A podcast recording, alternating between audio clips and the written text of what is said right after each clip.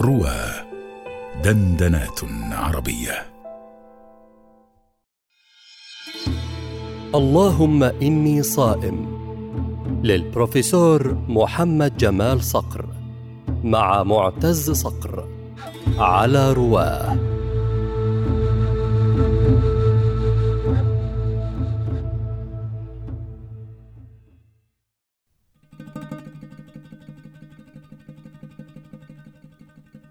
عجبا للعملين الفردي والجماعي وكل أمرهما عجب. أما الآخر فلا سبيل غيره إلى الإنجازات الكبيرة. وأما الأول فلا سبيل غيره إلى الإنجازات المحكمة. وأما المخدوع فمن استغنى بأحدهما عن الآخر. أي العملين أخف عليك؟ الفردي أم الجماعي؟ تشير هذه العجبية إلى ضرورة عمل العملين فالأعمال الجماعية غير الأعمال الفردية. ولا غنى بك لا عن هذه ولا عن تلك. نحن الآن نعمل عملا جماعيا أنا وأنت. هذا الذي نعمله الآن عمل جماعي. لا أستطيع أن أعمله وحدي. ولو حاولت لخرج ضعيفا. فالفكرة فكرة هذه العجبية أن نعطي كل ذي حق حقه أن تعمل العمل الفردي بما يستحق والجماعي بما يستحق ولا غنى بهذا عن ذاك ولا بذاك عن هذا. آه الأعمال الكبيرة التي تأخذ قرنا من الزمان تخيل من الذي يعمل هذا؟ هناك أعمال أخذت من الناس قرنا كاملا من الزمان. أجيال. تواترت تواترت عليها الأجيال. طبعا هذا شيء أشبه بالإعجاز.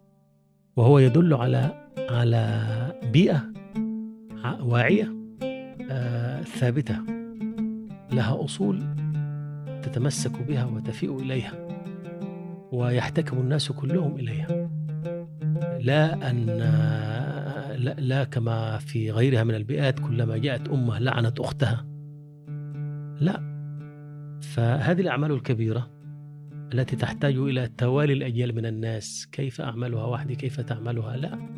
لا لابد أن يسلم السابق فيها الراية إلى اللاحق ليكمل.